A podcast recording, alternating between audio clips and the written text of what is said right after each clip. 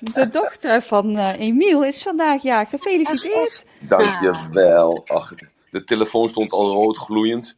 Ik vraag me elke keer af hoe is het toch mogelijk dat al die mensen dat weten en dat jij dat ook weer weet, Marloes. Wat attent van jou, echt attent. Lief voor van je, dankjewel. Nou, het mooie is, je noemde gisteren alle kinderen op met verjaardagen, maar de jongste vergat je.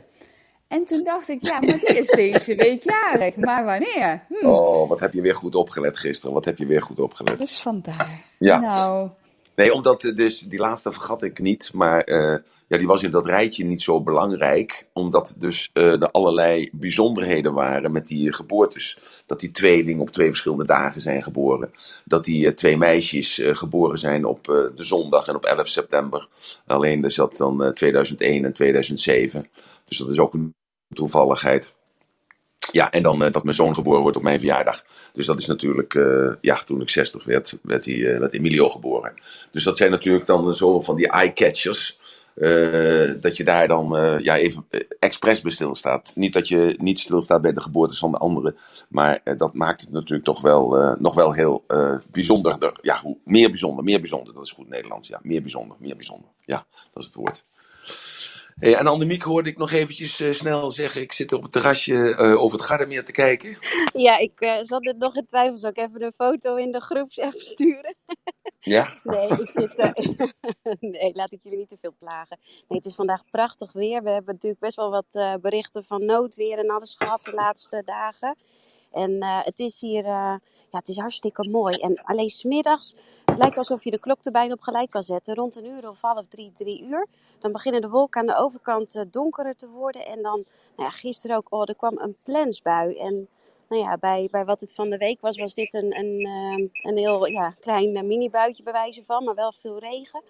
Maar af en toe dan begint het hier toch te, ja, te spoken. Maar waar, waar zit je? Bij Bordolino of bij Garda nee, zelf? We zitten in Lazies, net iets, ja, wel aan de zuidkant van het Gardermeer. Okay. En dat is volgens mij wel, zitten we hier wel wat beter.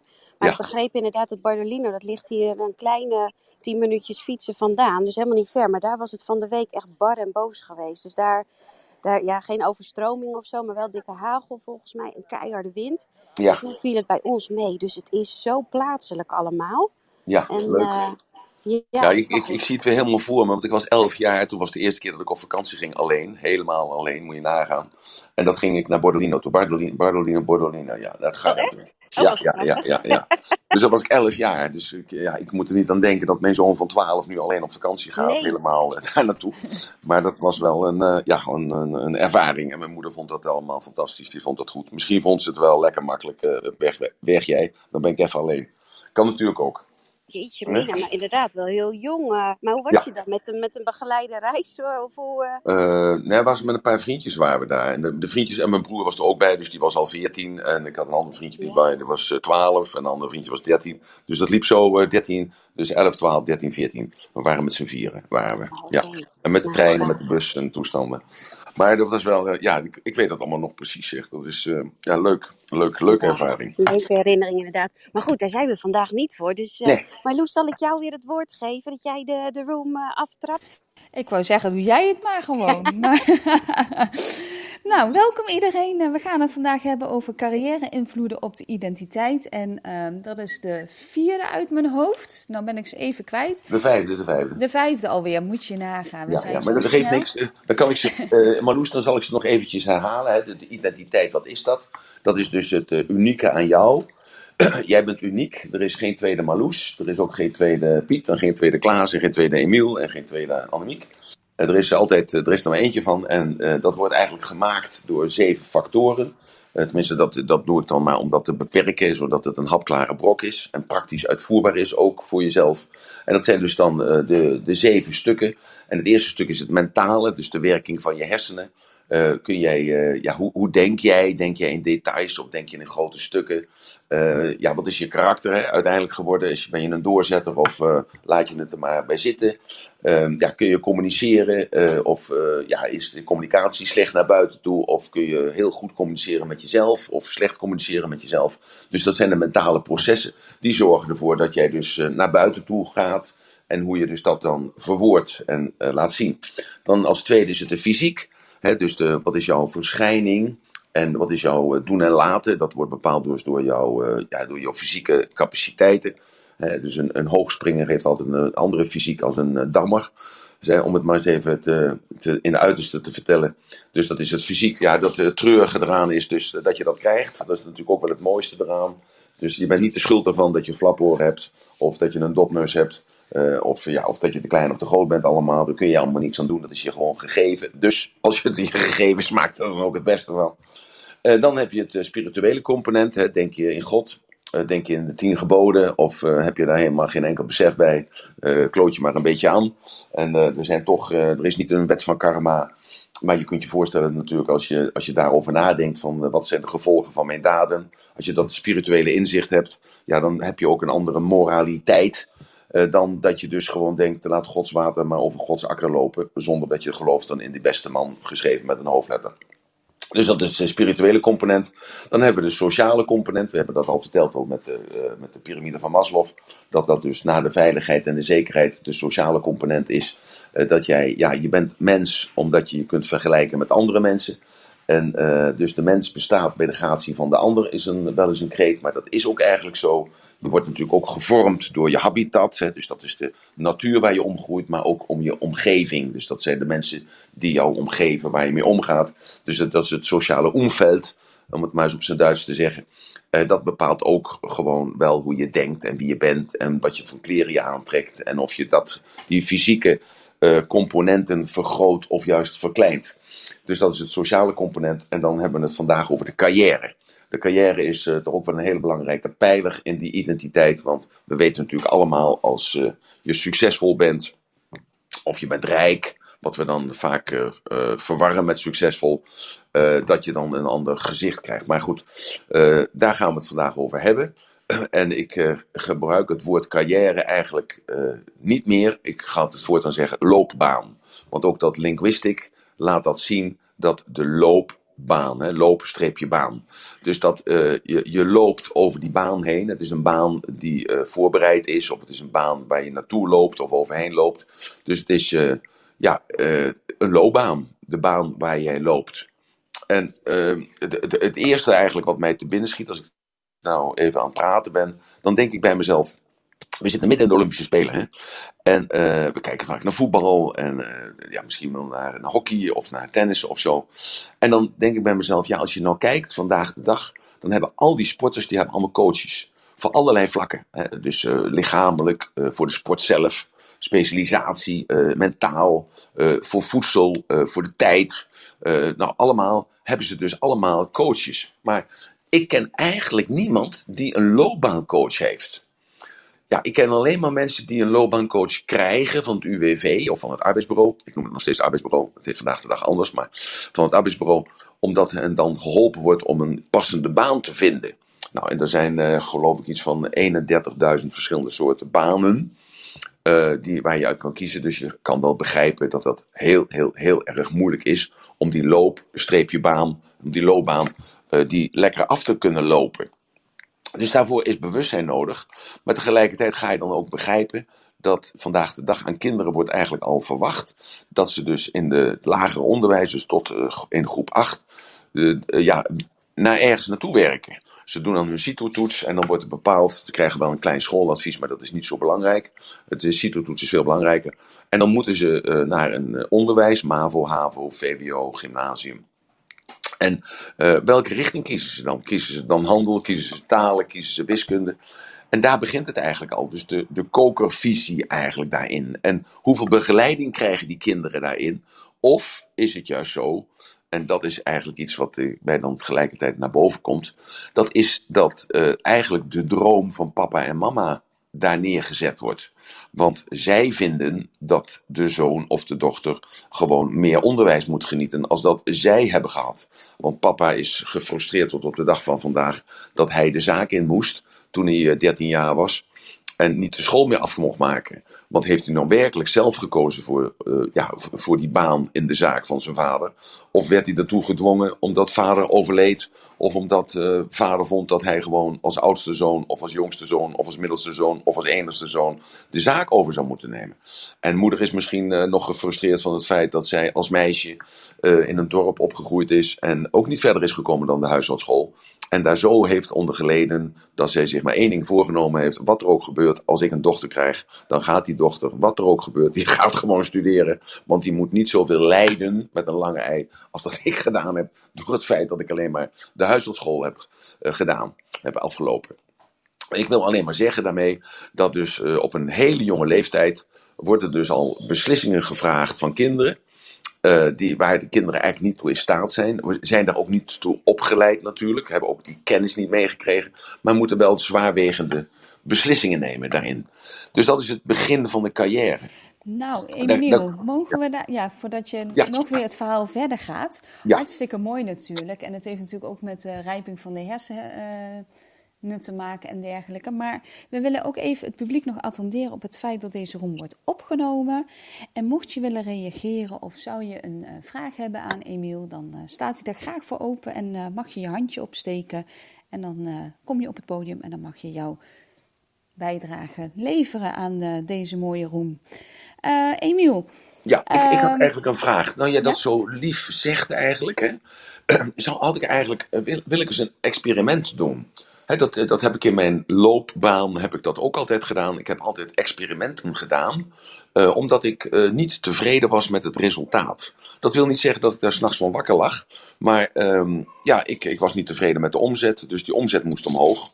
En dan was ik daar heel creatief in en ik dan bedacht allerlei dingen om dan die omzet omhoog te krijgen. Tenminste, om de, om, de, om de situatie te veranderen, om de carrière een andere draai te geven. En uh, ik, ik zou dat eigenlijk nou ook met, de, met Clubhouse willen doen. Ik zou willen vragen of er nou zes mensen naar boven komen op het podium. En dat die mensen opengezet worden. En dat die mensen mij elke keer in de reden kunnen vallen zodat het, die interactiviteit, hè, dus dat die activiteit onder elkaar groter wordt. En waardoor ik als persoon, ik, ik ben nou eenmaal zo, ik zit in elkaar, daardoor juist getriggerd wordt en juist actiever wordt en meer stukken van mijn hersenen kan gebruiken. En ik, ik heb dit eigenlijk niet zelf bedacht, maar ik volg ook heel veel Amerikaanse rooms. En daar zie ik altijd dat het podium helemaal vol zit met allerlei mensen. Dus ik heb dat gevraagd uh, daar in, op een Amerikaanse site. En ik heb gezegd van, gevraagd van hoe komt het nou dat er zoveel mensen op het podium zitten? En toen zeiden ze van nou, voordat we beginnen met de room, vragen we uh, aan mensen of ze naar boven willen komen. Zich wel houden natuurlijk aan bepaalde regels. Dat is er niet tussendoor te kwekken. Maar wel gewoon ja, toch actiever mee te doen. En misschien komen ze op de roem en zeggen ze helemaal niks. maar ze zijn er wel.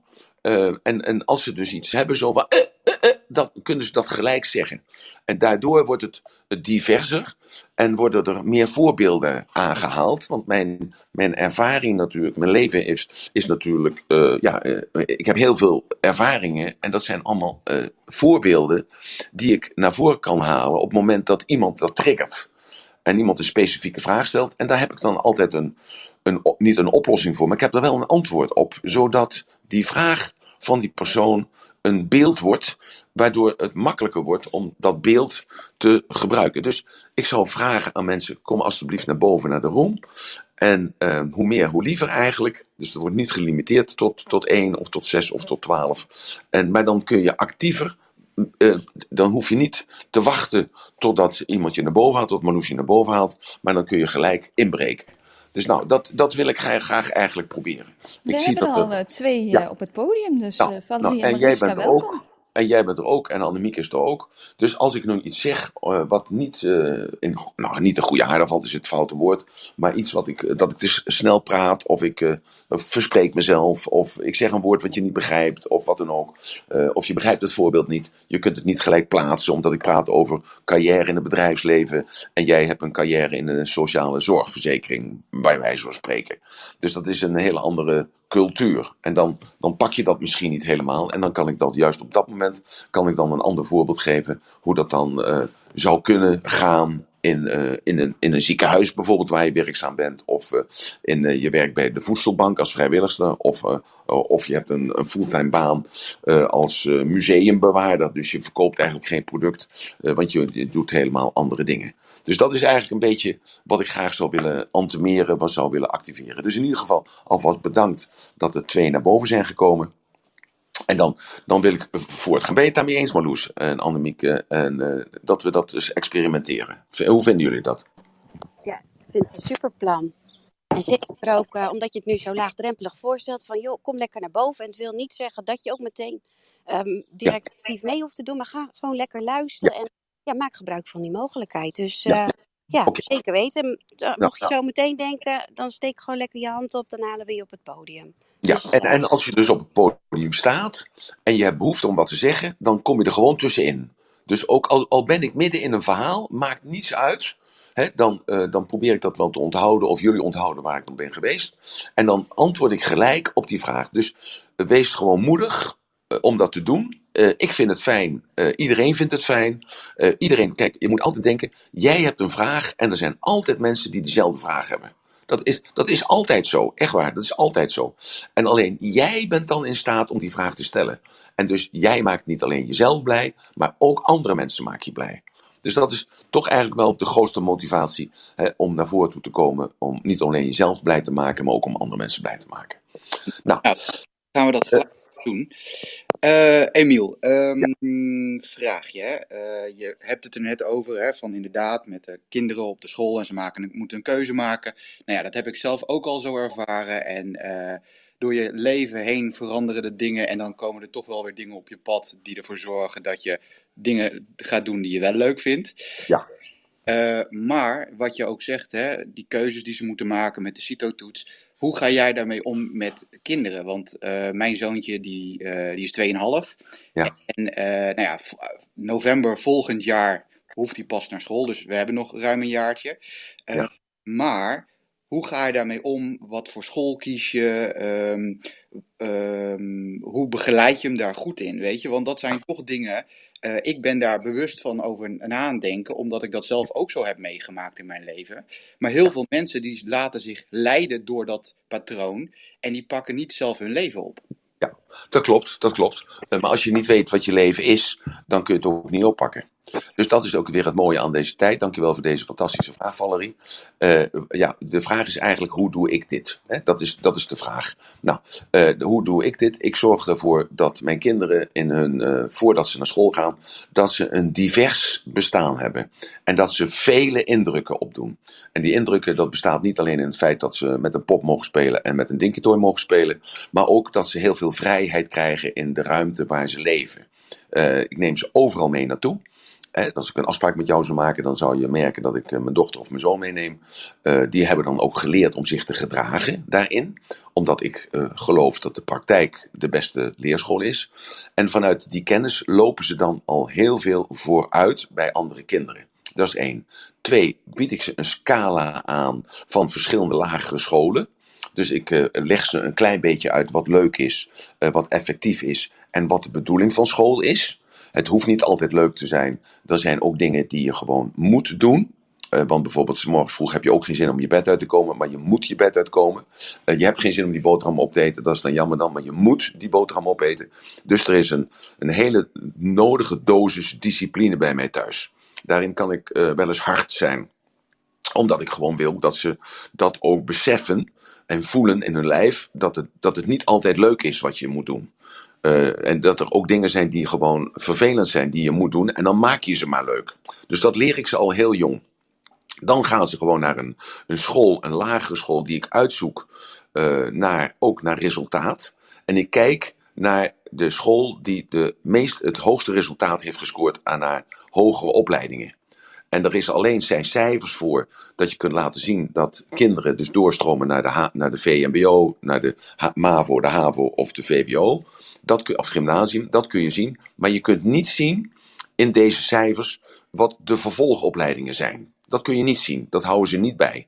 Dus ik, uh, ik kijk altijd dan naar de school die de meeste studenten aflevert aan het hoger onderwijs. Dus aan VWO en aan gymnasium omdat ik de mening toegedaan ben dat ik ze thuis uh, sociale vaardigheden leert. Uh, ik vorm het karakter hier uh, thuis. En de school is daar een aanvullende component. Dus het is niet een bepalende component, het is een aanvullende component. Dus ik sta daar heel anders in als de meeste mensen. Ik ben daar heel streng in, omdat ik zelf weet wat voor een invloed de school op mijn leven heeft gehad.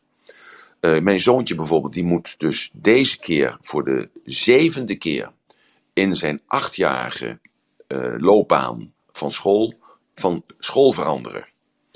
Ik kan niet intreden in, ik kan niet vertellen waarom dat is, maar dat heeft niets met hem te maken, heeft niets met mij te maken, heeft met moeder te maken.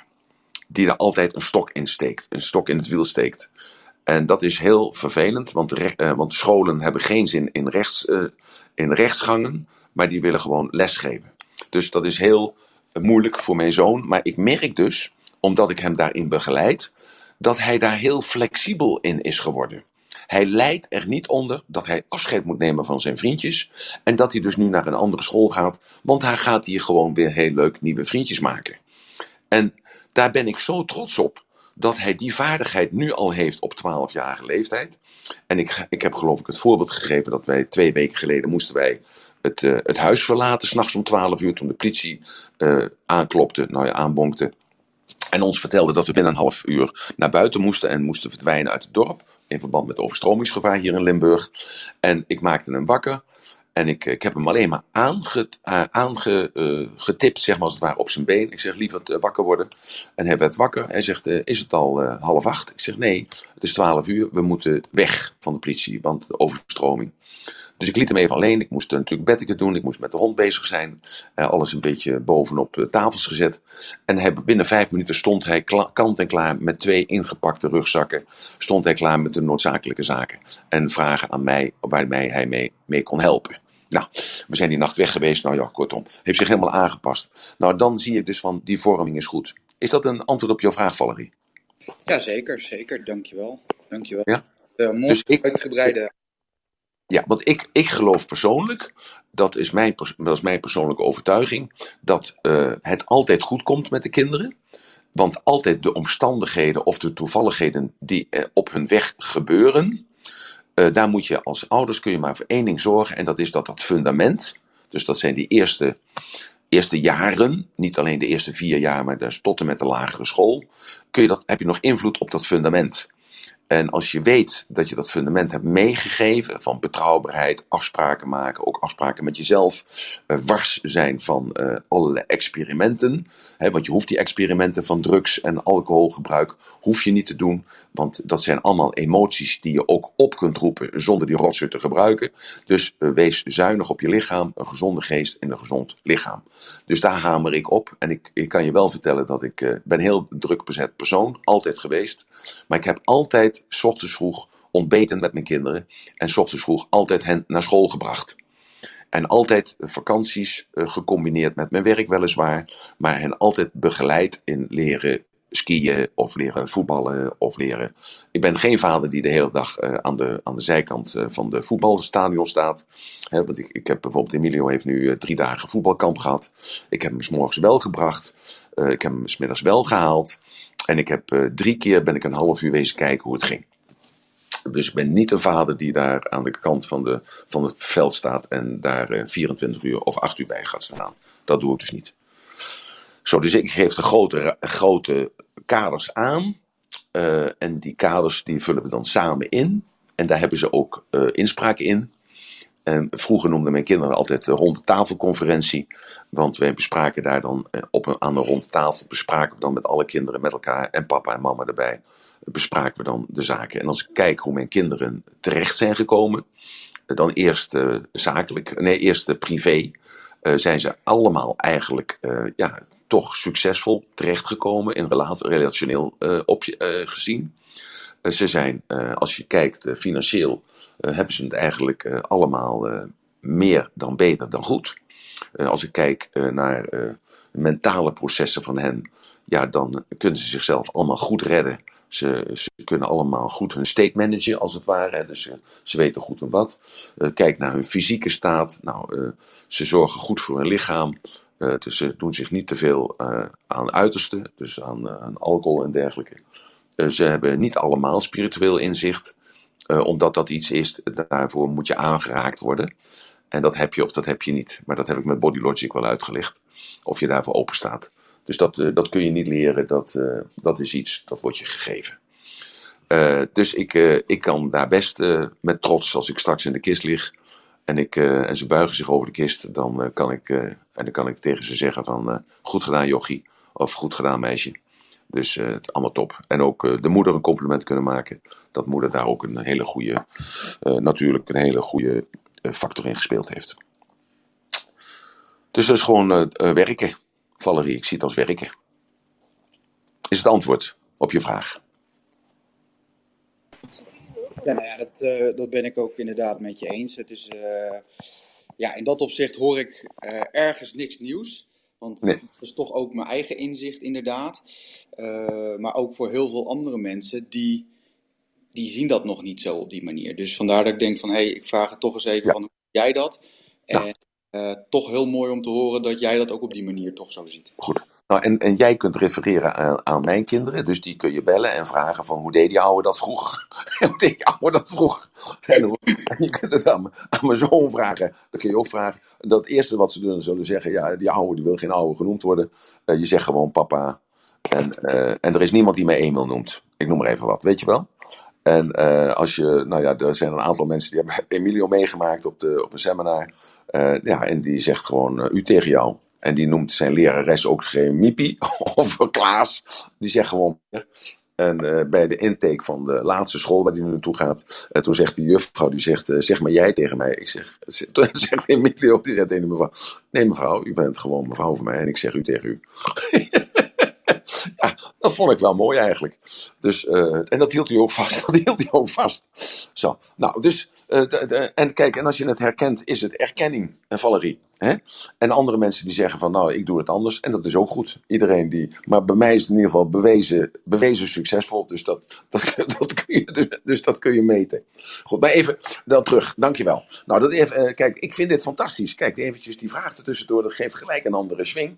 En tegelijkertijd dwingt mij dat weer gewoon om terug te gaan naar de, naar de draad welke er niet is, die ik moet spinnen vanuit mijn eigen spinnenwiel. vanuit mijn eigen spinnenwiel moet ik die draad weer oppakken. Um, ja, oké, okay, ja, ja, ja, even denken. Goed, dus die loopbaancoach. Ik was daar gevallen bij die loopbaancoach. Ja, wat, is het rare?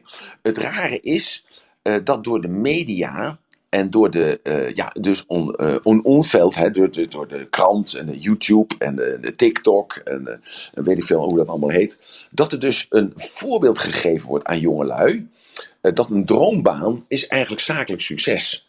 Dus het zakelijk succes is die droombaan en dat zit bij elkaar, zit bij elkaar in.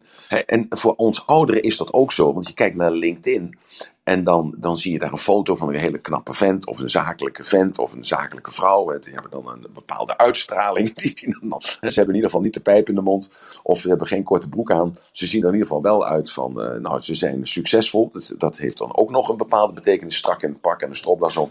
En uh, niet, uh, niet, niet echt lachend, maar gewoon een beetje een smile, zo van, ik heb het gemaakt. Dus, dus het visuele is ook heel sterk. Dat je dus op allerlei bladen, bijvoorbeeld de quote 500 heb je. Hè, dat, uh, dat, dat zijn dan de, de miljonairs, de multimiljonairs en de miljardairs van onze Nederlandse samenleving. En op uh, zakenparties, uh, of in het Financieel Dagblad of in de Telegraaf, worden deze mensen van de quote 500 dan ook per name genoemd. Dus met andere woorden, ja, die, die worden ook gevraagd voor publicaties en om, om te spreken voor zalen. Dus dat zijn mensen die aantrekkelijk zijn. En en als we dan even kijken, gewoon eventjes. Ik denk bijvoorbeeld aan uh, Elon Musk. Hè? Dus dat is een succesvolle zakenman, kunnen we rustig zeggen.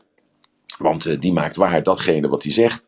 En uh, die, uh, die doet een twittertje. En de, de bitcoin die dondert met 20, 30 naar beneden. Zo serieus neemt men hem. En dat is ook heel leuk van succesvolle mensen. Ik heb daar zelf vaak ook last van. Dat mensen aan mij vragen van... ja, wat vind je nou van, van de politiek? Of wat vind je nou van het voetballen? Of wat vind je nou van de, onze economie? En men gaat er dan van uit dat dus iemand die succesvol is in één vak. Hè, dus dat is die Elon Musk dan bijvoorbeeld. Dat Elon Musk die kan goed... die heeft die Paypal in een PayPal in de markt gezet. Hij kan goed auto's, elektrische auto's maken. Het is een visionair. En we gaan ook straks nog met hem naar Mars. Heeft ook die klus gekregen van de NASA.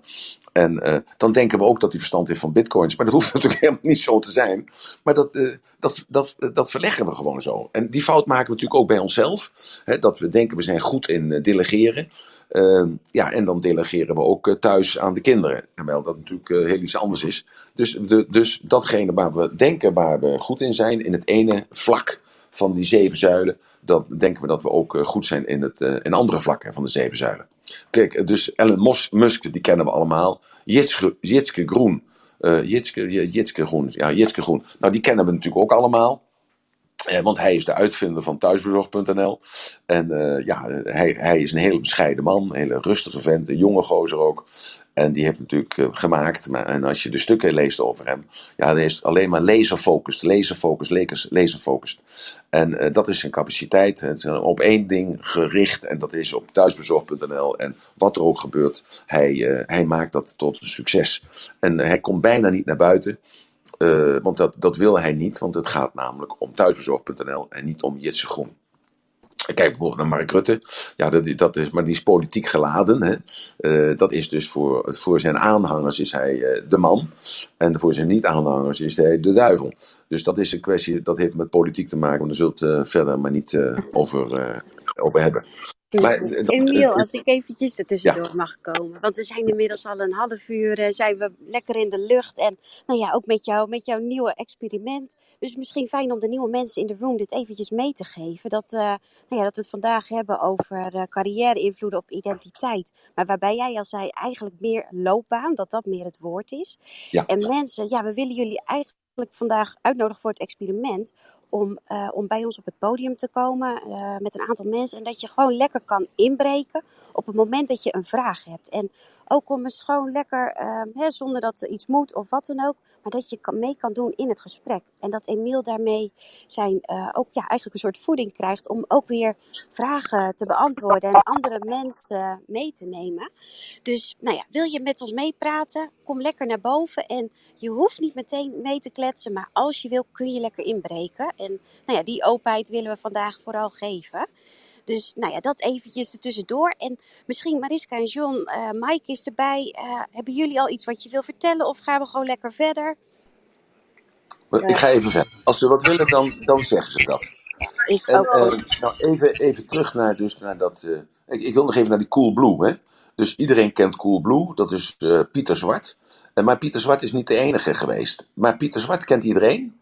Uh, Coolblue kent ook iedereen. Dat is een, een, een, fenomenale prestatie, heeft die gozer er neergezet. Maar hij is niet alleen begonnen. Hij is uh, Pieter en uh, Paul en Bart waren met z'n drieën, hebben dat op een zolderkamertje, hebben ze dat Coolblue concept bedacht. Pieter is doorgegaan, die heeft Paul en Bartje uitgekocht. En Pieter Zwart is dus het gezicht van Coolblue. Zo, dus dan, dan zie je dus ook dat dus, uh, de eerste plaats gaat het om. Hè? Het gaat niet om de tweede plaats of de derde plaats. Je onthoudt altijd de wereldkampioen. Je onthoudt altijd de man die bovenaan de top staat. En dat is dus ook een, een soort uh, ja, een, een, een, een waarde, maar daar ga ik het zo direct even over hebben.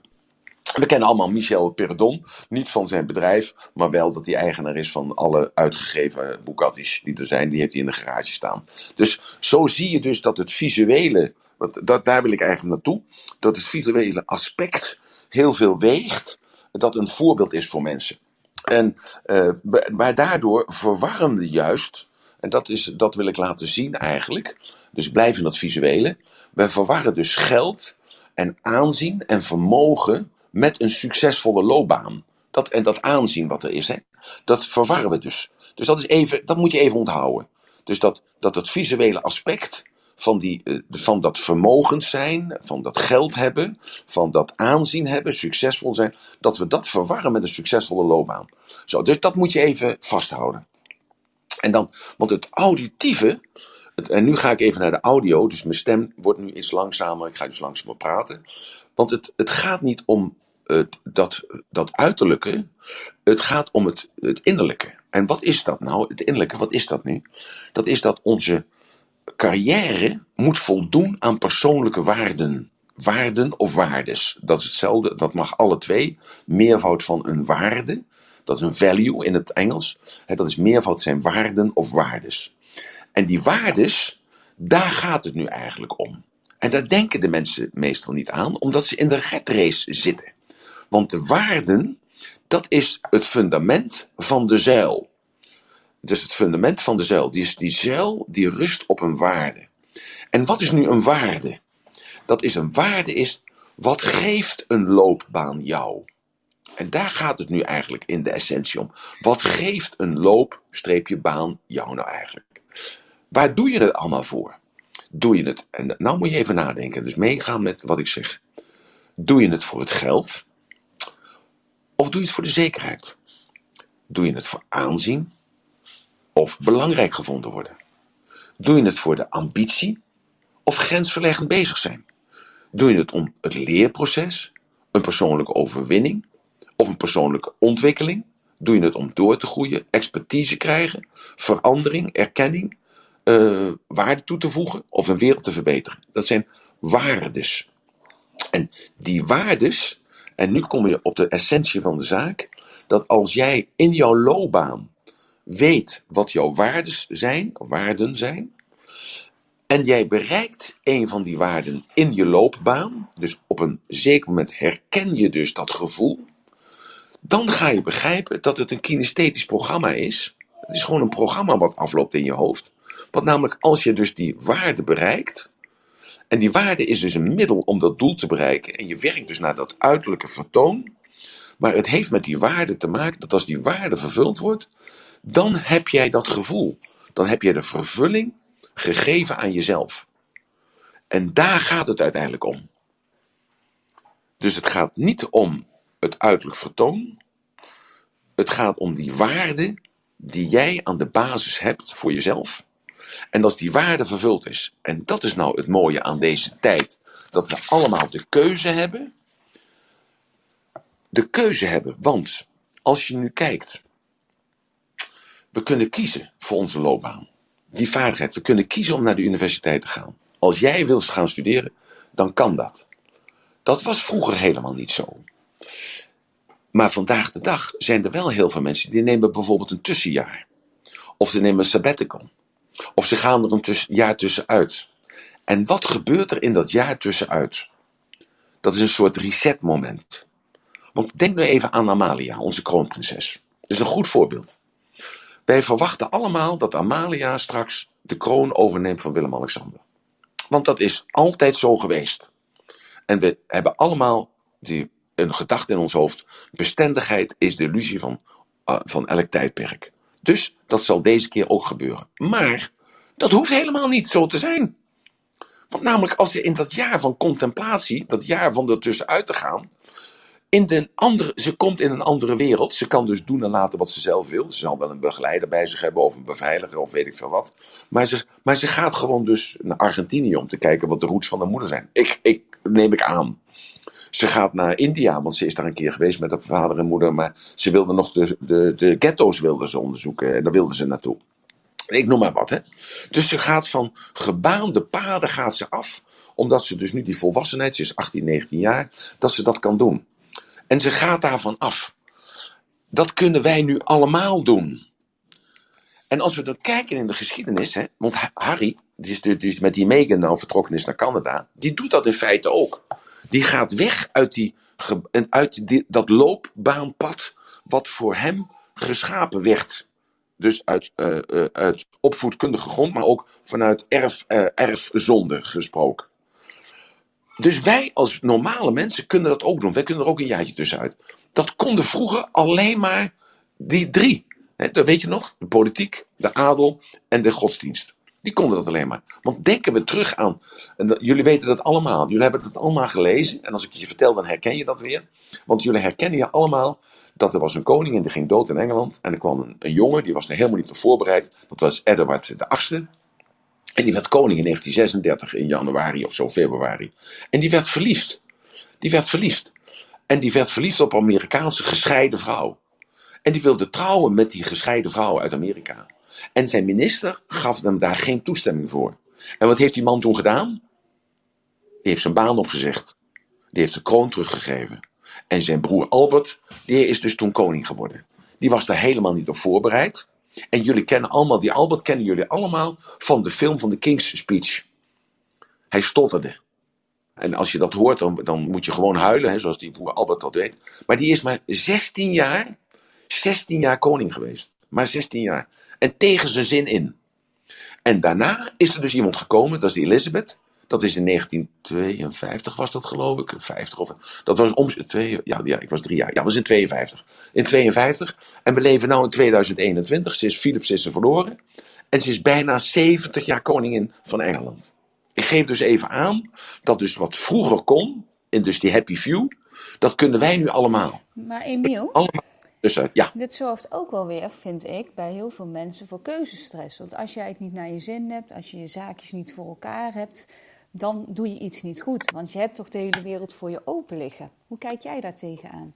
Die keuzestress is een belemmerende overtuiging. Want je moet leren dat je dus elke dag duizenden keuzes maakt. Want jij neemt de, maakt de keuze, uh, smeer ik een boterham op mijn brood, ja of nee? Uh, je, jij maakt de keuze van, ik breng mijn kind naar school, ja of nee? Je maakt de keuze, ik stop voor het stoplicht of ik geef nog even gas. Jij maakt de keuze, uh, stop ik vandaag met suiker in de koffie of neem ik een extra schepje in de koffie. Zo, dus jij maakt duizenden, duizenden, duizenden keuzes per dag. Dus keuzestress, dat zit in je kop. Omdat jij niet gewend bent, omdat jij denkt dat er belangrijke keuzes zijn en minder belangrijke keuzes zijn. En automatische keuzes zijn. Nou, die automatische keuzes, dat is onbewust. Dus die, die heb je al gefilterd als zijnde van, ik doe het op deze manier. Dus het is geen keuze meer. Het was ooit eens een keer een keuze. Dus het, de keuze, het oordeel van gisteren is het vooroordeel van vandaag. En als jij je realiseert dat je je hele leven al keuzes hebt gemaakt. Want je hebt de keuze gemaakt dat je bent gaan praten. Je hebt de keuze gemaakt dat je bent gaan lopen. Je hebt de keuze gemaakt dat je hebt leren schrijven. Je hebt de keuze gemaakt dat je je rijbewijs bent halen. Je hebt de keuze gemaakt dat je een auto hebt gekocht. Of dat je een auto hebt gehuurd of hebt geleased. Dus het is altijd een niveau wat je jezelf aanpast. Dus zie jij jezelf klein en moet jij een grote keuze maken, is dat moeilijk. Verhef jij jezelf tot de grote keuze en een kleine keuze maken, of verhef jij jezelf als klein persoon tot een groot persoon, dan, wordt dus het, dan zie je dus dat de keuze relatief is en dan is er geen keuzestress meer. Dus het is een kwestie van leren leven met keuzes maken. En veel mensen zijn nog belast met de erfzonde van gisteren. Want vroeger hoefde je geen keuzes te maken. Want die keuzes werden gemaakt door meneer Pastoor, door meneer de uh, ambtenaar, uh, dus de afgevaardigde van de overheid, en meneer de fabrieksdirecteur. Zij beslisten wanneer je moest beginnen. Vandaag de dag mag jij zelf beslissen. Ik kom om 8 uur of ik kom om 10 uur. Maar ik moet wel even klokken, want ze moeten me wel controleren. Ik werk thuis, maar ik moet me wel om 10 minuten een knopje indrukken, want ze willen wel weten of ik aan de computer zit. Zo. Dus daar moet je allemaal aan wennen. Dus dat is een gewenningsproces. Geeft dat uh, antwoord op je vraag, Marloes? Jazeker. En dan wil ik eigenlijk vragen, want Mariska heb ik al een paar keer uh, zien in willen breken, wat niet gelukt okay. is. Mariska, is jouw vraag nog relevant? Uh, ja, op zich wel. Het was niet zozeer een vraag, maar ik herkende gewoon heel erg goed wat Emiel zei over het stukje verantwoordelijk, verantwoordelijkheid nemen als ouder. Uh, en school eigenlijk meer als een soort aanvulling of een toevoeging uh, zien. Dat is eigenlijk iets wat, uh, wat ik vandaag de dag nou, heel vaak zie. Dat ouders eigenlijk kinderen leveren op school. en eigenlijk van, van leerkrachten gewoon verwachten van ja, als het een beetje omgedraaid wordt, als het de leerkracht. Dat is een heel goed punt, Mariska. Dat is een heel goed punt. Kijk, het paradigma is altijd geweest: het gezin is de hoeksteen van de samenleving. En uh, dat is vandaag de dag, lijkt dat alsof dat niet meer zo is. Maar je moet dus de samenleving zien als een gebouw. En je moet dan de hoeksteen nemen. Dat op die hoeksteen rust eigenlijk dat hele gebouw. En als je dat dus ziet, dat dus die hoeksteen weggehaald wordt. En precies, jij legt precies bloot waar dit, het aan schort.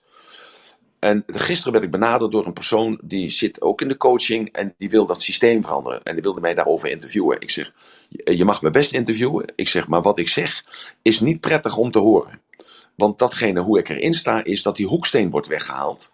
En dat is de oorzaak van ellende van vandaag de dag die wij zien, die resulteert uiteindelijk in de moord op Peter R. Zo, ik durf dat rustig hard op te zeggen. En uh, daar ligt geen taak van de overheid, daar ligt een taak van de ouders. Dus Mariska, ik ben daar heel dankbaar voor dat je dat bespreekbaar maakt. En mensen hebben vaak geen keuze, Marloes, en dan komen we weer op de keuzestress. Zij hebben geen keuze, omdat zij ooit een keuze hebben gemaakt. En die keuze is, uh, mama heeft een opleiding, papa heeft een opleiding. En vroeger was het gewoon het patroon, papa heeft een opleiding, mama heeft minder opleiding. Dus mama zorgt voor de kinderen en uh, papa zorgt voor het geld. En zo konden zij dat opbouwen. En er was zekerheid, veiligheid was er voor de kinderen. En zo was dus die hoeksteen er van de samenleving, dat gezin. Zo, dat is weggehaald, want mama moet werken vandaag de dag. Wil je een huis kunnen kopen, moet je twee inkomens hebben. Wat zeg ik, als je een huis wil huren, moet je al twee inkomens hebben. Dus je wordt gedwongen, als het ware, om mee te kunnen doen in de red race om dus mee te werken om je kind, als het zes weken is, of zes dagen, of, uh, uh, of drie maanden, om het af te geven uh, aan een wildvreemde, die dan dus voor het meest kostbare in je leven, dat is je kind, althans dat is mijn beleving. Hè? Dus mijn kind is mij kostbaarder dan mijn auto, en mijn kind is mij kostbaarder dan mijn, dan mijn huis, of noem maar wat op, of dan mijn vakantie. Maakt mij niet uit, mijn kind komt altijd op de eerste plaats. En ik geef mijn kind niet zomaar mee aan een vreemde. Ik leg mijn kind niet zomaar neer in een crash waar honderd andere kinderen liggen te, uh, te, te, schreeuwen. Waar twee dames die dan opgeleid zijn om uh, heel snel uh, broeken te kunnen verwisselen, luiers te kunnen veranderen, enzovoort, enzovoort. Want ik denk dat dat niet gezond is. En dat is ook niet gezond, want wetenschappelijke onderzoeken hebben reeds aangetoond dat als een kind te weinig aangeraakt wordt gedurende de dag, dus niet uh, s'avonds doodknuffelen, s'morgens doodknuffelen en dan acht uur daar ligt het daar koud te zijn in de crash.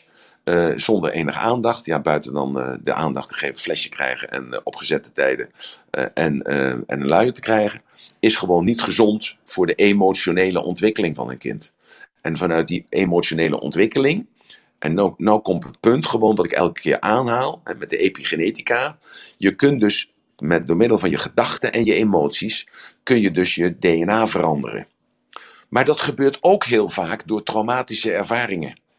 Dus je kunt je voorstellen dat als een kindje jou mist, dat is op een heel ander niveau, hè, als dat jij je man mist, of jij je hond mist, of jij uh, je vader mist. Dat is op een heel ander niveau. Dat is gewoon op basisniveau. Dan worden er allerlei schakelaars omgezet in de DNA. Want iedereen heeft de, de, de, de DNA van moordenaar in zich. En, als je een, uh, en die worden dan soldaat. Of ze worden misdadiger. Of ze worden huurmoordenaar. Als dat omgezet is ergens. En dus iemand die dus naar Pakistan, naar Afghanistan gaat, of naar Bosnië ging, of in de Tweede Wereldoorlog of in de Eerste Wereldoorlog vocht voor de goede zaak, die zette die schakelaar om. En die doodde dan, dus in de naam van het vaderland en de God en de koning, doodde hij dat. En hij zette de schakelaar weer terug. En hij kon weer in de samenleving leven. Zo. Maar dat is niet iedereen gegeven om die schakelaar terug te zetten. Dus ze blijven in dat patroon.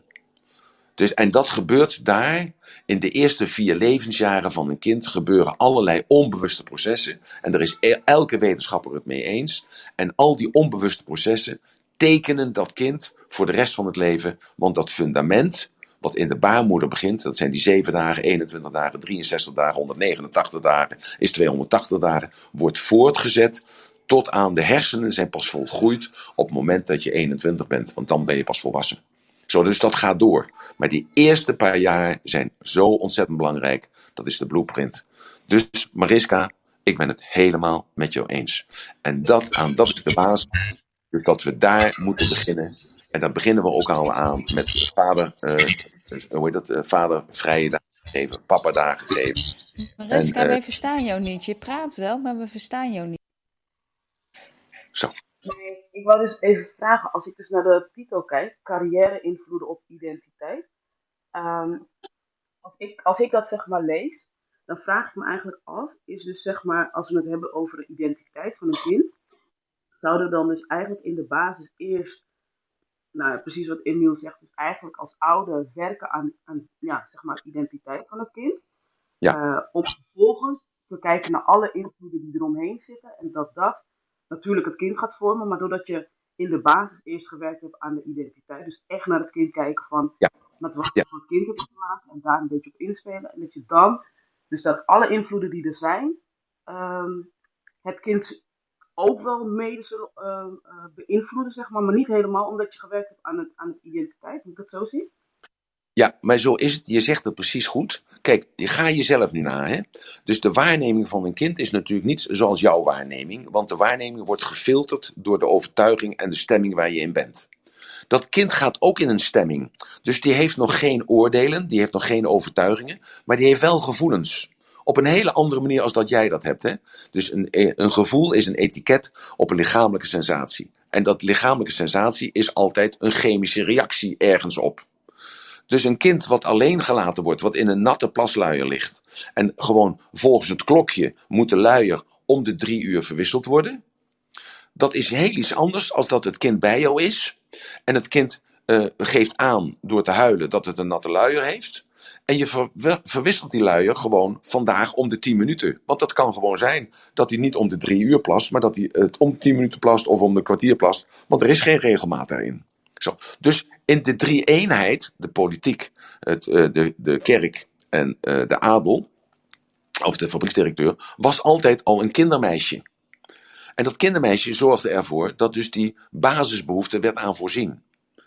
En wij verwarren dat dus nu met een kind naar de crash te brengen. En dus dan wordt het kind aan de basisbehoeftes voorzien. Dat is niet zo, want ze voeden elkaar op. Dus dat is een hele ander verhaal.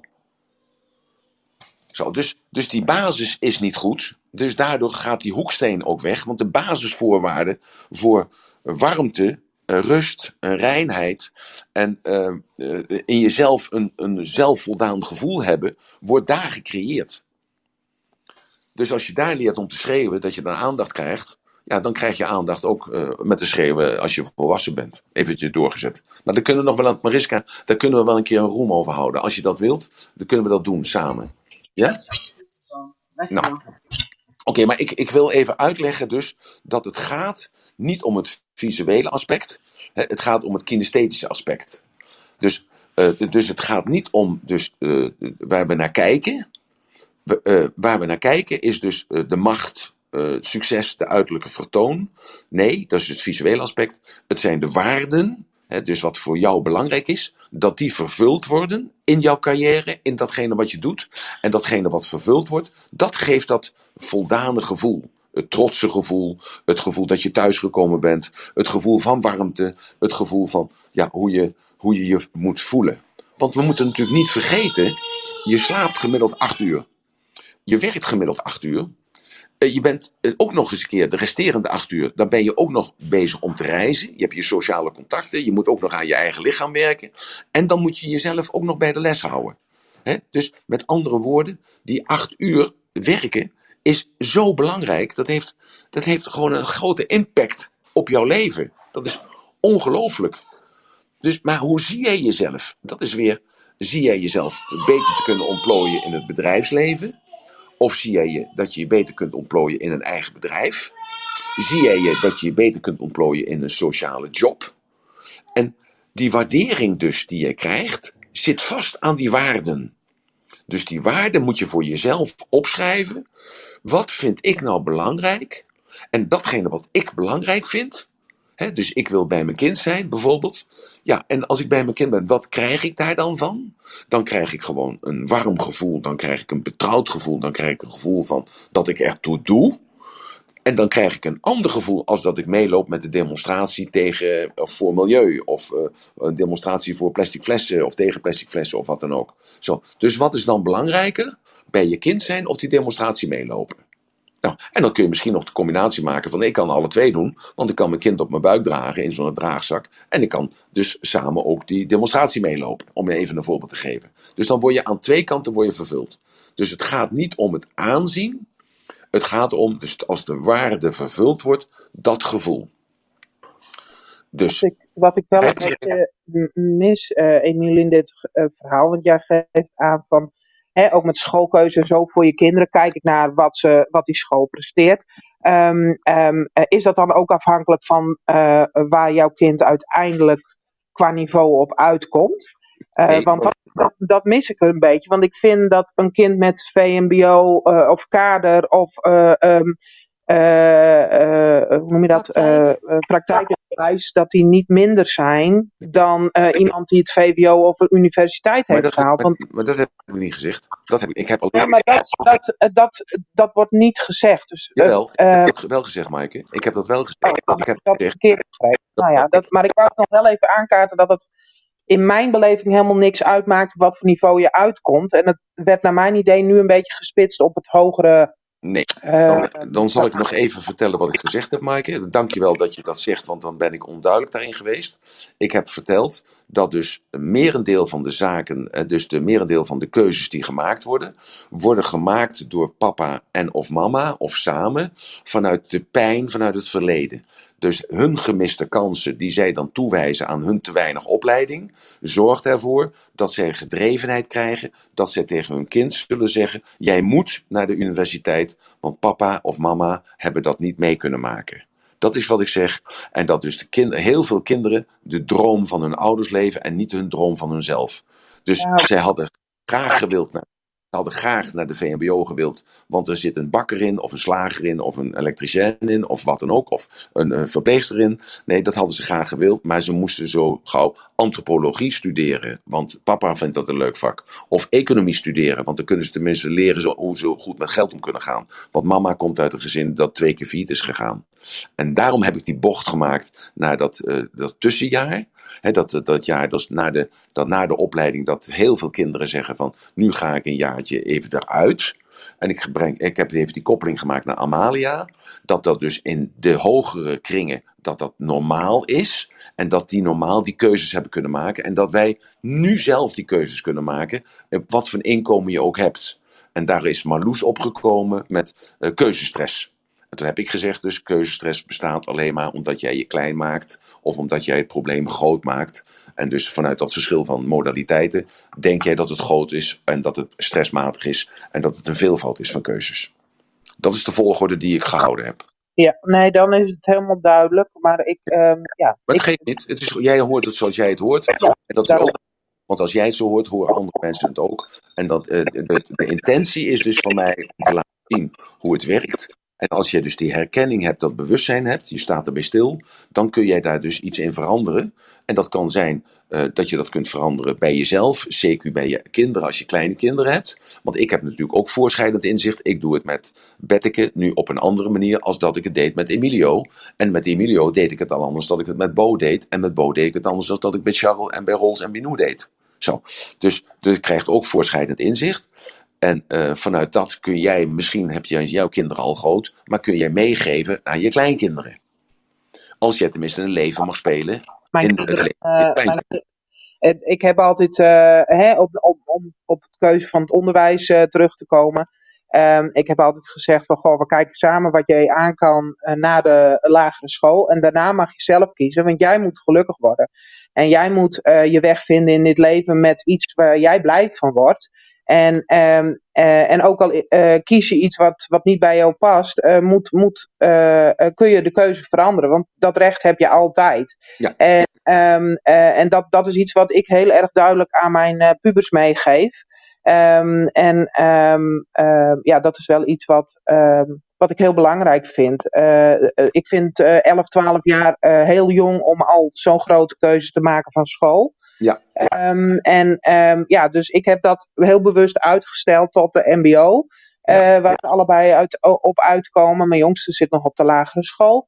En um, ja, die keuze mogen ze zelf maken, want zij moeten uiteindelijk gelukkig worden. Ja.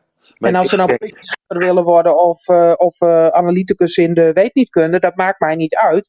Als zij dat doel voor ogen hebben, is voor mij prima. Ja, maar ik denk dat je dat helemaal perfect doet, Maaike. Uh, hartstikke goed. Uh, ik zeg eigenlijk in wezen hetzelfde wat jij zegt. Ik gebruik alleen andere woorden daarvoor, denk ik. Uh, en tegelijkertijd stuur jij als ouder stuur jij een bepaalde richting op. En jij bent ook getekend door pijn en plezier van gisteren, door jouw leven.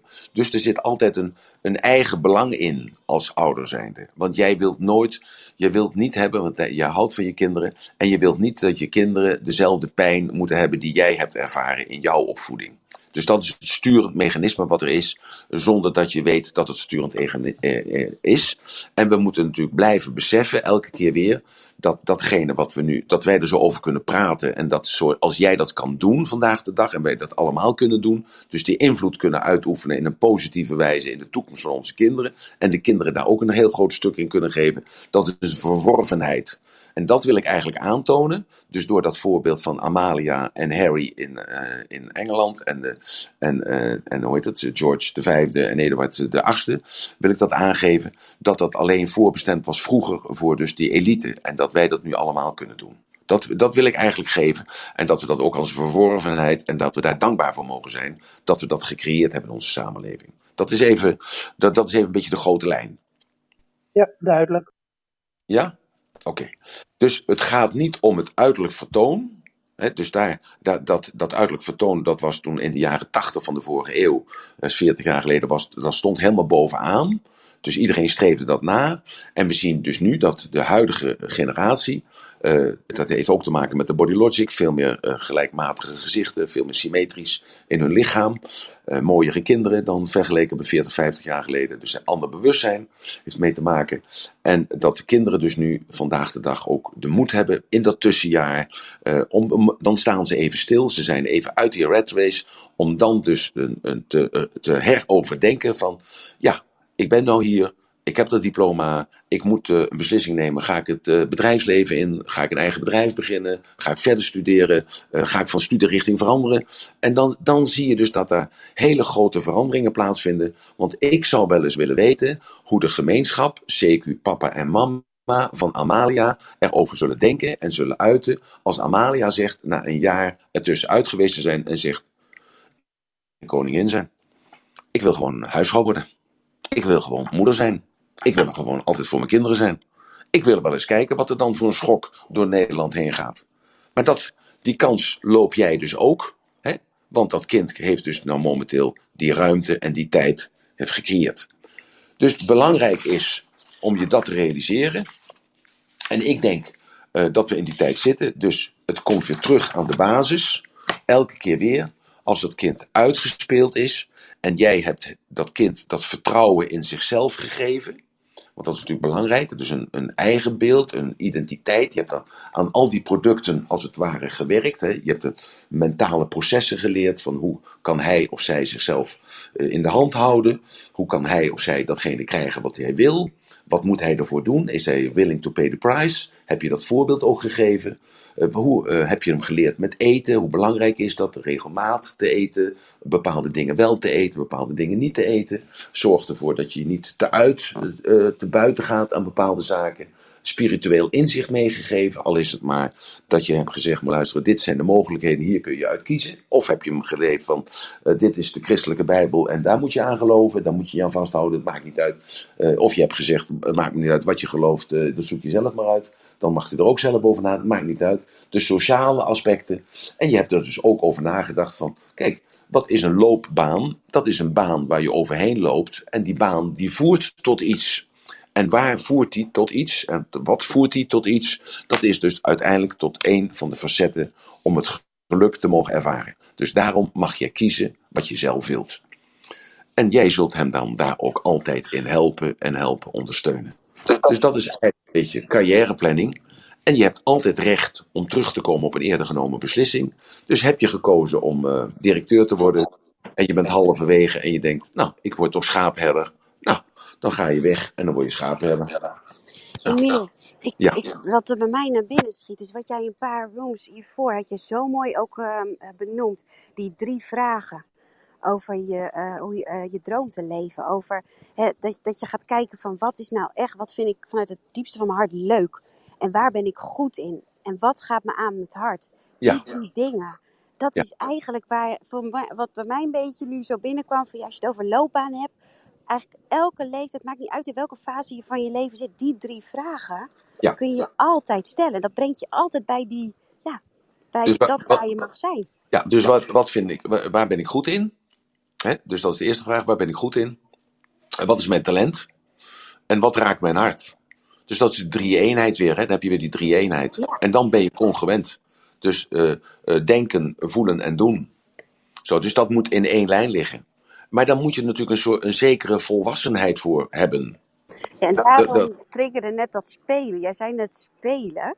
En ja. toen ging het nog echt om het jonge kind. Maar ik heb echt zoiets van, oh, eigenlijk als volwassen. Ik zit nu in mijn 41ste levensjaar. Maar van al die jaren ben ik voor mijn gevoel ook aan het spelen geweest. En de laatste jaren dat ik veel meer bewust ben en ook met spiritualiteit op mijn manier bezig.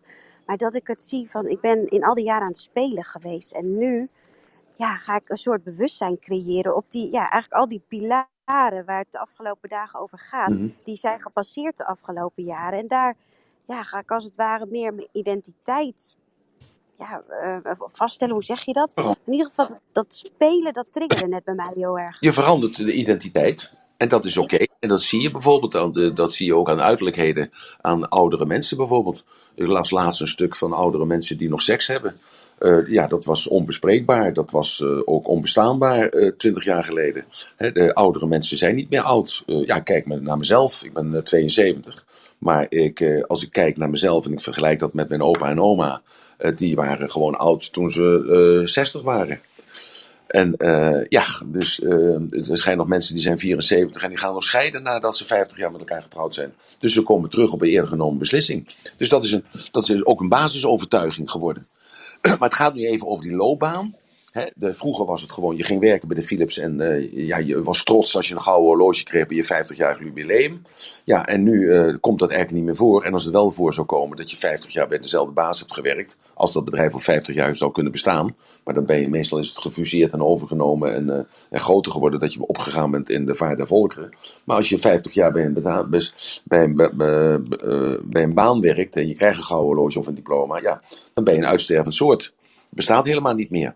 Dus we leven allemaal sneller met elkaar. En vanuit dat snellere ja, heb je ook recht om je loopbaan te veranderen. Dus dat heeft te maken met die flexibiliteit.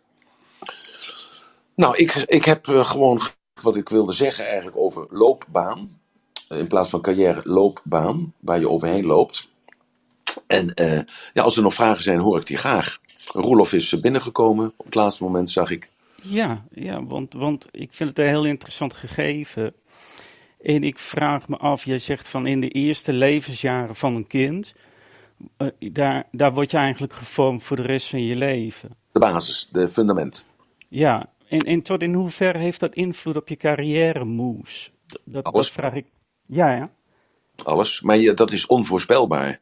Je kunt nooit zeggen, jij denkt als ouder zijnde, ik doe het goed. Ik besteed veel aandacht aan dat kind.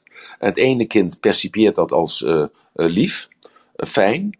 Ik word, ik word, uh, ik word uh, van gehouden. En een ander kind denkt op een ander niveau natuurlijk dan als dat wij dat kunnen benoemen. Denkt van laat me toch eens met rust. Ik ben net lekker aan het dromen en dan ben je me aan het wakker maken. Of ben lekker aan het dagdromen en ik kijk wel omhoog. En jij denkt bij mezelf van jij moet me oppakken. Ik wil gewoon rustig blijven liggen. Dus jij weet niet uh, wat goed of fout is in zijn ontwikkeling. Maar er is geen goed of fout. Want die dualiteit waarin wij denken bestaat voor een kind nog niet. Dus dat kind krijgt pas bewustzijn, noemen wij dat, als de dualiteit is. En dat is een heel verkeerd uitgangspunt. Maar dat werkt nou eenmaal zo. Maar het is een fout uitgangspunt. Maar het werkt wel zo. Dus ja, dat is de paradox van het leven. Dus alles moet je doen met de intentie.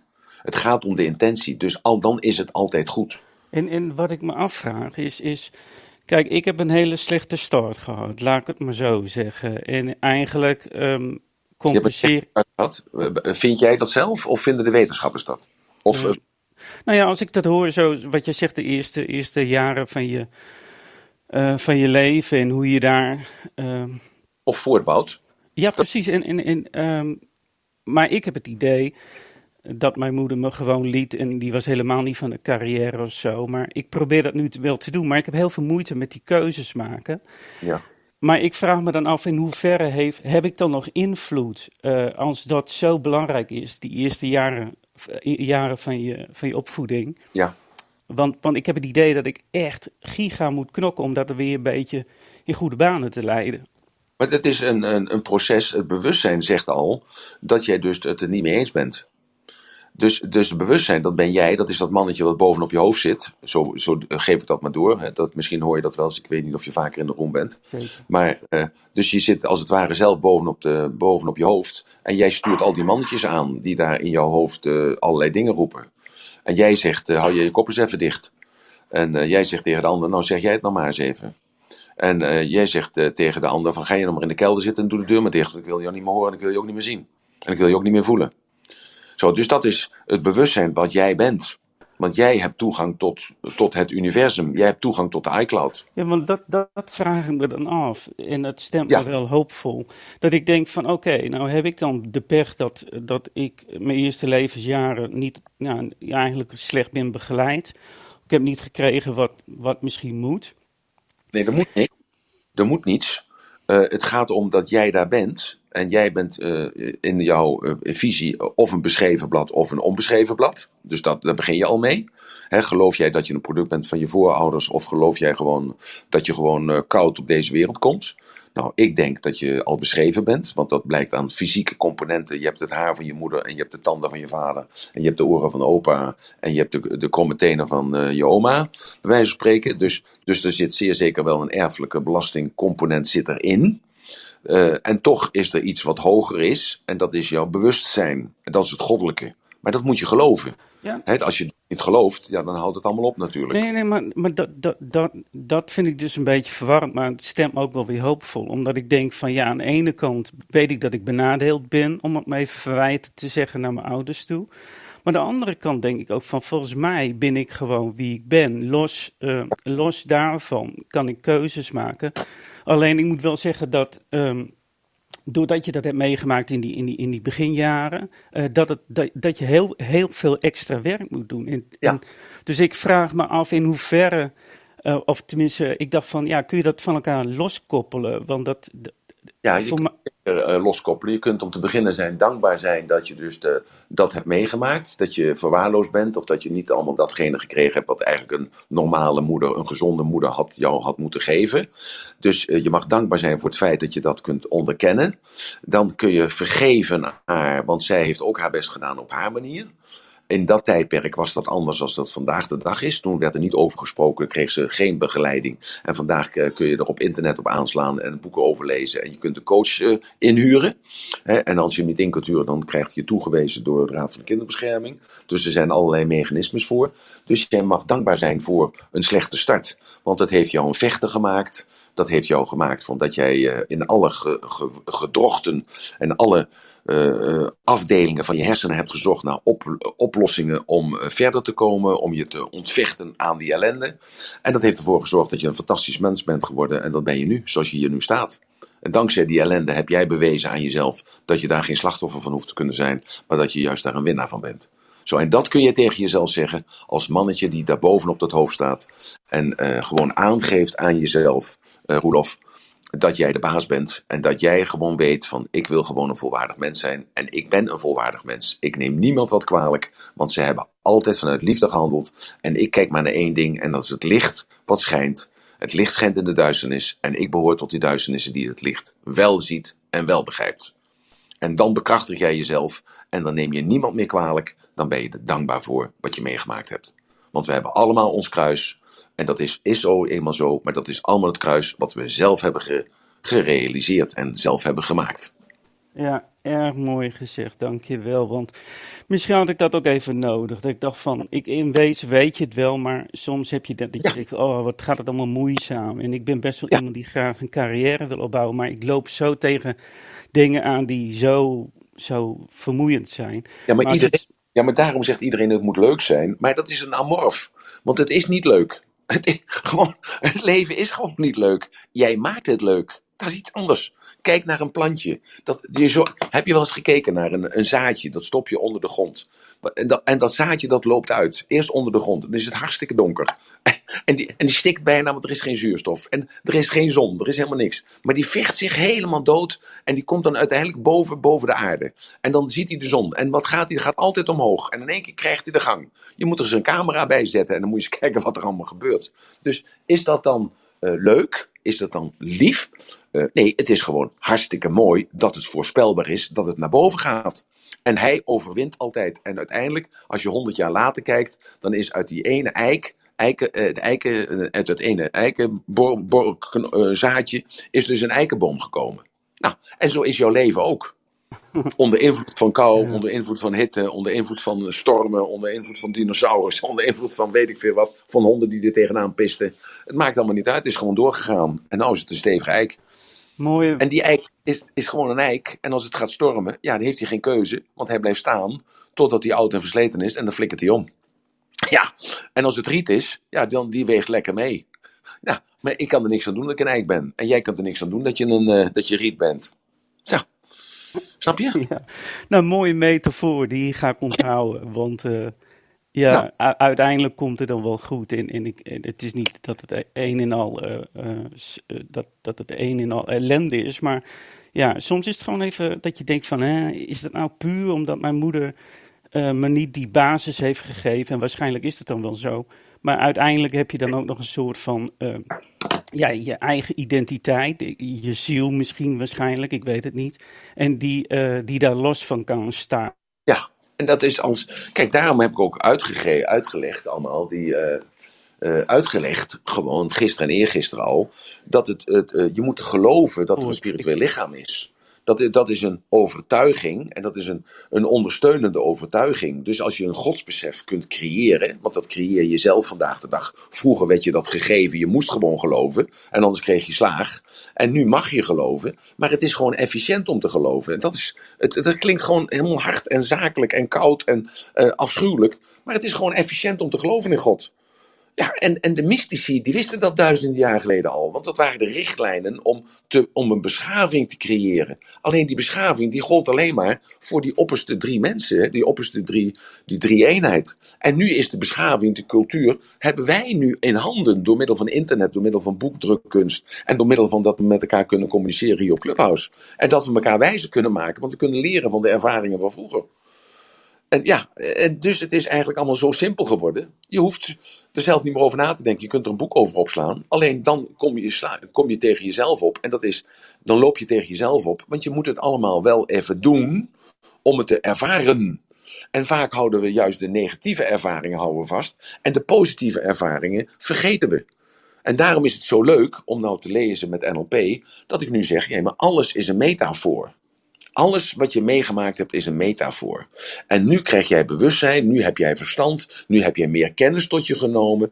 En dus meer bewustzijn kun je meer onderscheidend vermogen heb je gecreëerd. En nu kun je die metafoor van vroeger kun je pakken naar vandaag en die kun je vertalen op een andere manier. Dus je bent er geen slachtoffer meer van, van die metafoor. Je hoeft niet meer de hand aan jezelf te slaan. Nee, je neemt de verantwoordelijkheid daarvoor. En je zegt, hoe kan ik die metafoor nu veranderen ter faveur van mij, zodat ik me elke dag goed voel. En dan krijg ik een andere chemische storm in mijn lichaam. En als ik een chemische storm in mijn lichaam geef, dan krijg ik een ander gevoel. En een ander gevoel is een ander etiket op een andere lichamelijke sensatie. En dan voel ik me gewoon top. En dan is het leuk. Dus dan maak ik zelf het leuk. In plaats van dat het leuk moet zijn. En dat is die waardes, waardenverhaal. Wat is belangrijk voor jou? Wil jij gekend worden? Ja, natuurlijk, iedereen wil gekend worden. Wil je succes hebben? Ja, iedereen wil succes hebben. Wil je financieel onafhankelijk zijn? Ja, iedereen wil natuurlijk financieel onafhankelijk zijn. Dus dat zijn allemaal facetten. Facetten van de diamant. En die diamant, vandaag slijp je aan de linkerkant, morgen slijp je aan de onderkant, overmorgen slijp je aan de rechtsbovenkant. En overmorgen leg je hem even neer, wil je even rustig, weer er even naar kijken naar het werk wat je hebt gedaan. En ben je dankbaar dat je hebt mogen slijpen. Zo, dat is dan ook wel een metafoor. Dus het, alles is een metafoor. En als je dus die bril opzet, dan is er geen goed of slecht meer. Dan kom je in dat gebied van keuze. En dan is er geen keuzestress meer, want het licht schijnt. En altijd, je bent net als een vlieger, net als een mot. Je loopt altijd naar dat licht. Je vliegt naar dat licht. Dat is gewoon altijd zo. Dat is zo. Kijk naar de dierenwereld. Als het donker is en het wordt licht, dan worden de beesten worden wakker. Als het donker is, dan slapen de mensen. Als het licht wordt, worden de mensen wakker. Zo, dus licht is liefde. Licht is onvoorwaardelijkheid. Licht is liefde en onvoorwaardelijkheid en is succes. Binnenin. En dan straal jij. En als jij straalt, dan straalt jouw omgeving. En dan gaat de duisternis begrijpen dat er licht is. Nou, mooi gezegd, Emiel weer. Uh, Emiel, de klok geeft aan kwart over tien ruim. Ja, en, maar de uh, eerste vraag is eventjes aan Roelof of ik antwoord heb gegeven op zijn vraag. Want dat is het meest belangrijke. Net als Maaike me dat vroeg. En ook heb gevraagd aan Maaike uh, dat ik duidelijk over ben gekomen. Want een Babylonische spraakverwarring is natuurlijk uh, zo gemaakt en zo ontstaan omdat iedereen zijn eigen illusie heeft. En het doel is toch van de roem is dat we een klein beetje gelijkgestemd, in ieder geval hoeft niet het, de gelijke stemming te zijn, maar wel dat we uiteindelijk oplossing kunnen vinden voor ons eigen probleem, wat wij zelf hebben gecreëerd. En dat inzicht, daar gaat het om. Dus Roelof, heb ik je een klein beetje antwoord kunnen geven op je vraag? Ja, je was, je was super duidelijk en dat heeft me enorm geholpen. Dus uh, uh, ja, ja vol, volgens mij kun je die be veel beter uitleggen. En, en, dat is misschien wat ik ook wel wist. Maar ehm, kijk, hoe jij het dan zegt, denk je, oh ja, dat je dat even nodig hebt om te horen, zodat het beter bij je binnenkomt. Dus... Nou, Roelof, laten we een roem erover doen. Laten we een roem doen over jouw verleden, hoe jij dat hebt ervaren. En laat, geef mij dan de kans en het vertrouwen en de mogelijkheid om jou te helpen om het op een andere manier te gaan zien. Zoals jij het gaat zien, dan kunnen we van tevoren meten, als we het gesprek ingaan, kunnen we jou meten. dus meten door middel van dat jij jezelf een etiket opplakt van ik voel mij op de schaal van 0 naar 10, voel ik mij zo als ik het heb over gisteren, over het verleden. En dat je kan helpen om dan die schaal, die er dan is van 0 naar 10, om dat cijfer omhoog te trekken. Zodat jij meer welbevinden hebt met wie jij bent. Nou, dat, lijkt me, dat lijkt me fantastisch. Nou, Zeker nou. ook omdat ik denk, ik hoop dat ik vast niet de enige ben, want anders zou het een heel triest geval zijn. Maar, maar jij bent geen triest geval, want er blijkt al uit dat jij dus naar voren bent gekomen, naar boven bent gekomen, geheel vrijwillig. Hè, op het idee, dat idiote idee wat ik had van, luister, laten we het vandaag eens anders doen. En ik ben er ontzettend blij mee, want we gaan dit gelijk invoeren vanaf vandaag, zodat er gelijk uh, ingetreden, in, in, uh, ingeschoten kan worden in datgene wat ik vertel. En dan dat echt de vraag die jij stelt, en ik weet niet hoeveel mensen in de room zijn, want ik heb altijd mijn ogen dicht als ik aan het praten ben. Ja, alleen als ik in de auto zit niet natuurlijk, maar ik heb mijn ogen dicht als ik zit te praten. Maar ik weet 100.000 procent zeker dat jij spreekt uit de naam van 85% van de mensen die in de room zijn. Neem dat nog maar van mij aan. Ja, nou en, en dan is het helemaal... Uh uh, lijkt, me, lijkt me het helemaal super tof om, nou. om samen een room te doen. Dus, uh, Wil jij dan uh, even een mailtje sturen naar clubhouse.ratelband.com? Want dan, dan vraag ik aan Mirjam of ze je dan in, even een dag geeft. Want we moeten nu natuurlijk even dat, die, die zeven zuilen afwerken. En dan zijn er nog een paar andere dingen. En dan, dan hebben we ruimte. Of we doen het als, als ik denk van hé, hey, maar luister, dat past daar en daar bij. Of het, het is zo dringend, dan, dan doe ik het gelijk ertussendoor. Nee, helemaal goed. Ja? En dat vind ik ook wel fijn dat, dat het nog even kan wachten. Kan ik nog even om in laten werken. Want, ja, is goed. Nee, is goed, ga ik doen. Dank Oké, okay, goed. Roelof, dankjewel voor het vertrouwen. Dankjewel, kerel. Dan gaan we elkaar zien. Oké, okay, Marloes, Annemiek. Nou ja, wij wilden nog eventjes gaan evalueren, maar is al niet meer nodig. Je hebt al mooie okay. keus gemaakt, dus super. Uh, nou, mooi om zo uh, verder te gaan uh, de komende rooms, hè Annemiek? Ja, en ik zie dat John zich ook heeft unmute. John, wilde je nog wat toevoegen? Ja, nou, ik, uh, ik wil uh, Emil bedanken voor zijn heldere verhaal, want het resoneert uh, volledig bij mij. En eigenlijk is de loopbaan, zoals jij hem omschrijft, ons levenspad. Zo zou je het ook kunnen zien, zo zou je het ook als metafoor kunnen gebruiken. Maar ook weer als metafoor, John, want de mislukkingen die daarop voortkomen, op die loopbaan, moeten natuurlijk niet de rest van jouw persoonlijkheid naar beneden trekken. Want het is een leerproces. En daarom zijn die overtuigingen, dus dat mentale processen, die zijn zo belangrijk hierin maar ook de fysieke hoedanigheid. Want als je altijd ziek bent en lamlendig voelt en je hebt er gewoon iets uh, zwerends, er zijn allerlei ontstekingen in je lichaam omdat je de verkeerde voedsel tot je neemt, of te weinig zuurstof krijgt, of uh, te weinig aandacht geeft aan je vochtinname, hè, dat je dus dan uh, die gelvormige stoffen die er zijn, die je lichaam vasthouden in de, in de watertoestand, ja, dat je daardoor pijn krijgt in je gewrichten en dergelijke, zorgt er ook voor dat je dan een beetje een, zagrijnig wordt en daardoor niet open staat voor nieuwe inzichten. Uh, ja, nou ja, ook eigen liefde voor, uh, liefde voor jezelf.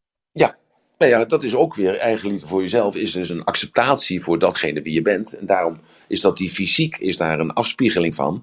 dus uh, da, dat, daarom lachte ik ook zo net daarbij toen ik dat zei. Ja, die fysiek, dat krijg je gewoon eenmaal. Dus ja, ik kan er ook niks aan doen ik kleine oortjes heb en een grote neus en, uh, en kaal ben en uh, scheve tanden heb en gewoon geen nek hebben wij spreken. Dat is me ook gegeven. Dus ik, ja, ik kwam er alleen maar om lachen. Dus ik, nou, ik kijk in de spiegel en ik denk, man, je ziet er niet uit. Of ik kijk in de spiegel en zegt, nou, je ziet er toch bijzonder uit, want er is geen tweede ratelband. Nou, het is met jou ook zo. Dus je kunt er ook zuinig op zijn en dankbaar voor zijn. Nou ja, ik, ik begin mij steeds dankbaarder te voelen, want ik heb eigenlijk nooit genoten zoals nu ik een eigen tuin heb. Dat als ik uh, sprinkhanen, vlinders, slakken, ik zie nu uh, wat jij al beschrijft, een zaadje van een groente of van een plant. Ja. Vanuit een zaadje naar een heel uh, zichtbaar verschijning te worden. Daar word ik gewoon hartstikke blij van. Ja, nou, dus, maar daar heb je tijd voor nodig om dat te doen. dus, dan, dus dan heb je ook weer planning nodig. Dus dat, daarom zeg ik van het is raar dat alle Olympische spelers die hebben allemaal coaches overal voor. Maar wij hebben geen loopbaancoach. Nou, dus uh, ja, want we denken van we kloten maar een beetje aan. Of we doen het gewoon net zoals dat een paar maanden deden. Oké okay, John, nou dankjewel voor je, voor je aanvulling en je toevoeging. Ja, inderdaad. Ja, en zo zijn we inderdaad al een, uh, een poosje onderweg. En uh, Marloes ja. zei het net al, Emiel. Eigenlijk kwam je net al mooi op een stukje evaluatie terecht. En wat ik zo hoorde, beviel het je wel op deze manier of niet? Wat, wat zeg je? Nou, dat het, uh, je gaf net zelf al een stukje evaluatie van dit e experiment vandaag met de mensen op het podium. Ja. En wat ik begreep is dat je goed uh, bevallen, dat je het wil doorzetten. Ja, ja, ja, want ik, ik heb al vaker gevraagd, ook in de groep en ook vaker in de room gevraagd, van hoe komt het nou dat er zo weinig mensen zijn die naar boven toe komen? En uh, ik heb dat eigenlijk iedereen gevraagd en dan zegt iedereen, ja, maar je hebt het al zoveel gevraagd. Maar gisteravond heb ik een, een, speciale vriend van mij gebeld. En gisteravond was het middernacht. En uh, ik dacht, nou, ik kan hem nog wel bellen. En uh, hij werd net lekker gemasseerd door zijn vrouw. En uh, hij lag op de bank. En nou ja, zij deed wat, wat ik dacht van, ja, zo hoort het ook. Nee, grapje natuurlijk. En ik weet niet of hij in de room is. Maar toen heb ik aan hem gevraagd van, hoe komt dat nou eigenlijk? Wat denk jij? En toen zei hij, ja, hoe kan ik dat nou zeggen en hoe weet ik dat nou? En toen hebben we eigenlijk al uh, redenerend anderhalf uur uh, hebben wij eigenlijk gezegd van, nou, we moeten het eigenlijk anders doen. En dat is gewoon mensen naar boven toe halen en vragen van naar boven. En dan gewoon ongevraagd mogen ze inbreken datgene wat ik zeg. En uh, dus ja, dus dat experiment en zo zie je. Dus dan, ja, dat was weer een keuze. En de, ja, goed, eh, dat, dat mag ik dan gelukkig doen. Ik heb die vrijheid van jullie gekregen. En uh, zo zie je dus dat uh, ja, niet elke verandering is een verbetering, maar deze verandering is zeer zeker een verbetering. En uh, ik ga dit elke dag vanaf vandaag gaan we dat doen. Dus zo zie je, veranderen mag altijd, zelfs op mijn leeftijd, 50 jaar met 73 jaar ervaring. Hoe mooi is dat? nou, dan hebben we weer een mooi vooruitzicht voor morgen. En nou ja, wil je, wil je weer afsluiten met een, met een ratelbandje? Ja, ja, en voordat je daarmee begint, Emiel, dan geniet ook vandaag uh, van je dag uh, met je kleine meid met de verjaardag. Ja, die heeft al een mooie jurk aan en die, uh, die zit al helemaal, die verheugt zich natuurlijk op de taart die komen gaat en het kaarsje wat ze uit moet gaan blazen. Dus, nou, dat wordt lachen, gieren, brullen. En alle vriendjes en vriendinnetjes die komen. En uh, de buren komen en dergelijke. Dus broertjes, zusjes allemaal. Dus het wordt één groot feest. Dus hartstikke lief Marloes dat je eraan denkt. Dankjewel. Het ratelbandje voor vandaag is uh, van ja, ik heb een beetje uitgelegd wat carrière is. Ik vind het woord loopbaan uh, vind ik mooier. want het is een baan waar jij overheen loopt. En als je daar nou eens even over nadenkt. Wat is voor jou een carrière? Wat is voor jou een baan waar je overheen loopt? Waar heb jij nou vervulling van? Waar heb jij nou de dingen in waar jij jezelf goed bij voelt? Is dat geld? Is dat zekerheid? Is dat grensverlegging? Is dat leren? Is dat betekenis voor andere mensen geven? Is dat expertise krijgen? Wat is de erkenning? Wat is het gevoel wat jij krijgt als jij aangekomen bent bij je eindbestemming en dat je dat gevoel krijgt? En daar zou ik willen vragen dat je daar nou eens even over nadenkt vandaag. Gewoon ertussendoor als je in de auto zit, of als je een telefoontje, als je in de wacht gezet bent, of als je dus uh, gewoon eventjes uh, aan het aardappels koken bent en dat je eventjes een minuutje hebt voor jezelf. Denk daar dan even bij jezelf na. Wat is nou voor mij belangrijk voor een loopstreepjebaan?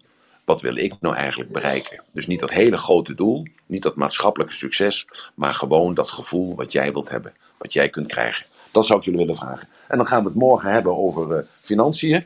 Dus uh, nou ja, dat is een specialiteit voor mij, denk ik. Uh, nog meer specialiteit dan andere. Daar gaan we het morgen over hebben. Maak er vandaag een fantastische dag van. Ik zal Betteke even knuffelen namens jullie allemaal. En, uh, ja, en ik wens jullie een mooie dag. En dan zien we elkaar morgen. Dank jullie wel voor jullie aanwezigheid. En dank jullie wel voor jullie op- en aanmerkingen en jullie positieve energie. Dank jullie wel. Tot morgen. Tot morgen.